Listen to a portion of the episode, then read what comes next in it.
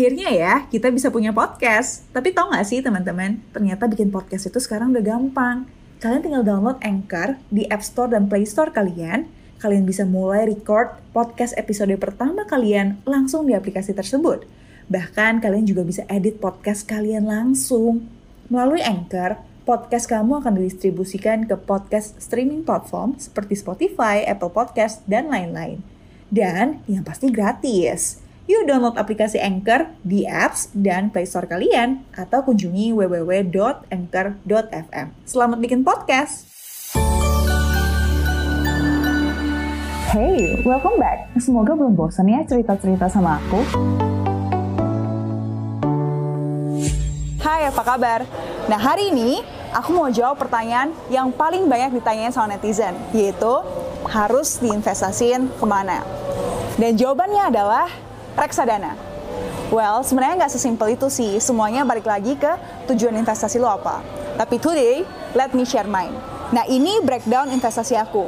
Hampir setengahnya ada di reksadana, 30-an persen di saham, dan 20-an persen di P2P lending. Nah, komposisi ini nggak sembarangan. Ada tujuannya. Coba aku bahas what and why-nya secara singkat satu persatu ya. Nah, ini adalah gambaran besar jenis-jenis investasi yang bisa kamu lakuin ada yang namanya physical investment yang kamu bisa lihat wujudnya, kamu pegang barangnya. Contohnya ini kayak rumah, emas batangan, atau lukisan. Kalau mobil bukan ya, karena pas kamu beli dan masuk ke garasimu, nilainya aja udah turun 20-30%. Nah ada juga yang namanya financial investment. Ini tuh kadang cuma berupa kertas atau surat atau bahkan nggak ada wujudnya sama sekali karena sudah tersimpan di sistem. Contohnya kayak saham, reksadana, forex, P2P lending, dan lain sebagainya.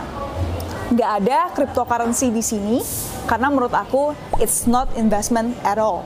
Hari ini aku hanya akan bahas investasi yang benar-benar aku lakuin.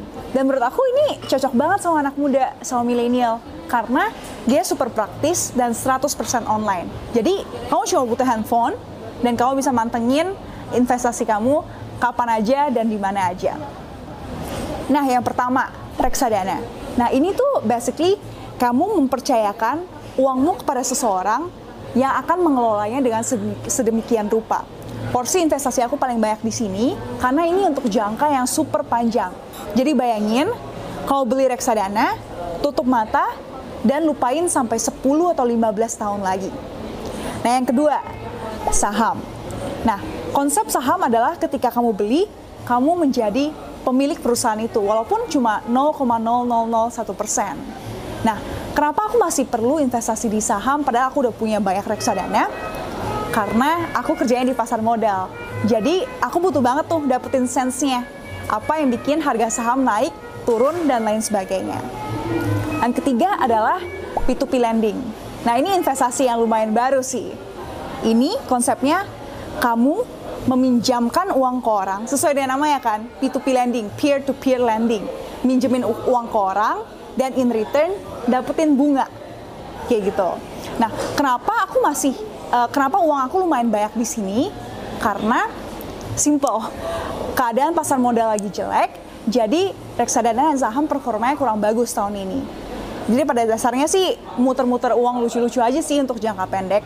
Nah singkatnya seperti itu, aku bakal bahas secara detail tentang reksadana aja. Aku mau cerita nih tentang kisah lahirnya reksadana. Konon, orang-orang tuh pengen memutar uang lebihnya lewat saham atau instrumen keuangan lainnya. Tapi, mereka tidak punya tiga hal. Satu, waktu untuk memantau pergerakannya. Dua, pengetahuan yang cukup. Dan tiga, uang yang banyak. Karena waktu itu beli saham atau obligasi itu butuh minimal 5-10 juta. Maka diciptakanlah sebuah makhluk yang bernama reksadana untuk mengatasi tiga masalah tersebut. Akhirnya ya, kita bisa punya podcast. Tapi tau gak sih teman-teman, ternyata bikin podcast itu sekarang udah gampang. Kalian tinggal download Anchor di App Store dan Play Store kalian. Kalian bisa mulai record podcast episode pertama kalian langsung di aplikasi tersebut. Bahkan kalian juga bisa edit podcast kalian langsung. Melalui Anchor, podcast kamu akan didistribusikan ke podcast streaming platform seperti Spotify, Apple Podcast, dan lain-lain. Dan yang pasti gratis. Yuk download aplikasi Anchor di apps dan Play Store kalian atau kunjungi www.anchor.fm. Selamat bikin podcast. Jadi orang-orang nih masing-masing ngumpulin uangnya. Nah uangnya kan jadi banyak nih. Nah terus uang ini dipercayakan ke seseorang yang punya pengetahuan dan waktu untuk mengelola kumpulan uang tersebut. Nah orang hebat ini namanya manajer investasi. Nah, dia ini tahu nih kalau setiap orang yang ngumpulin uang ke dia punya tujuan yang beda-beda. Ada yang mau ngambil balik tahun depan, 3 tahun, 5 tahun, atau bahkan 10 tahun lagi. Jadi, dia bikin produk yang berbeda-beda untuk menyesuaikan kebutuhan yang berbeda-beda itu juga. Aku udah lumayan ngerti nih, dan aku semangat banget mau beli reksadana. Aku mau beli reksadana saham karena tujuan investasi aku jangka panjang buat nikah dan beli rumah lima tahun lagi. Tapi beli di mana ya? Nah, ini aku mau cerita, sekalian komplain kalau ada bos-bos di bank yang ngelihat video ini. Jadi, pada dasarnya, kita bisa beli reksadana di tiga tempat. Satu, di kantor manajer investasinya langsung, dua bank, dan tiga online. Tapi kalau beli langsung tuh agak susah sih, karena kan mereka kantor pusatnya cuma satu dan sedikit cabangnya. Jadi ya pilihannya either bank atau online. Nah dulu pas lagi di Pontianak, aku pernah nih ke satu bank yang mungkin kita semua punya tabungan di sana. Ini kejadian kira-kira Januari 2017. Jadi aku tanya nih sama customer service-nya, Mbak, saya mau beli reksadana, gimana ya? Hah? Reksadana? Sebentar ya, saya panggilin manajer saya dulu. Waduh, rempong juga ya. Baru mau nanya-nanya, belum tentu mau beli. Eh, udah sampai dipanggilin manajernya. Singkat kata, 30 menit kemudian manajernya datang dan nanya lagi, Mbak, ada perlu apa? Saya mau beli reksadana. Oke, tunggu sebentar ya.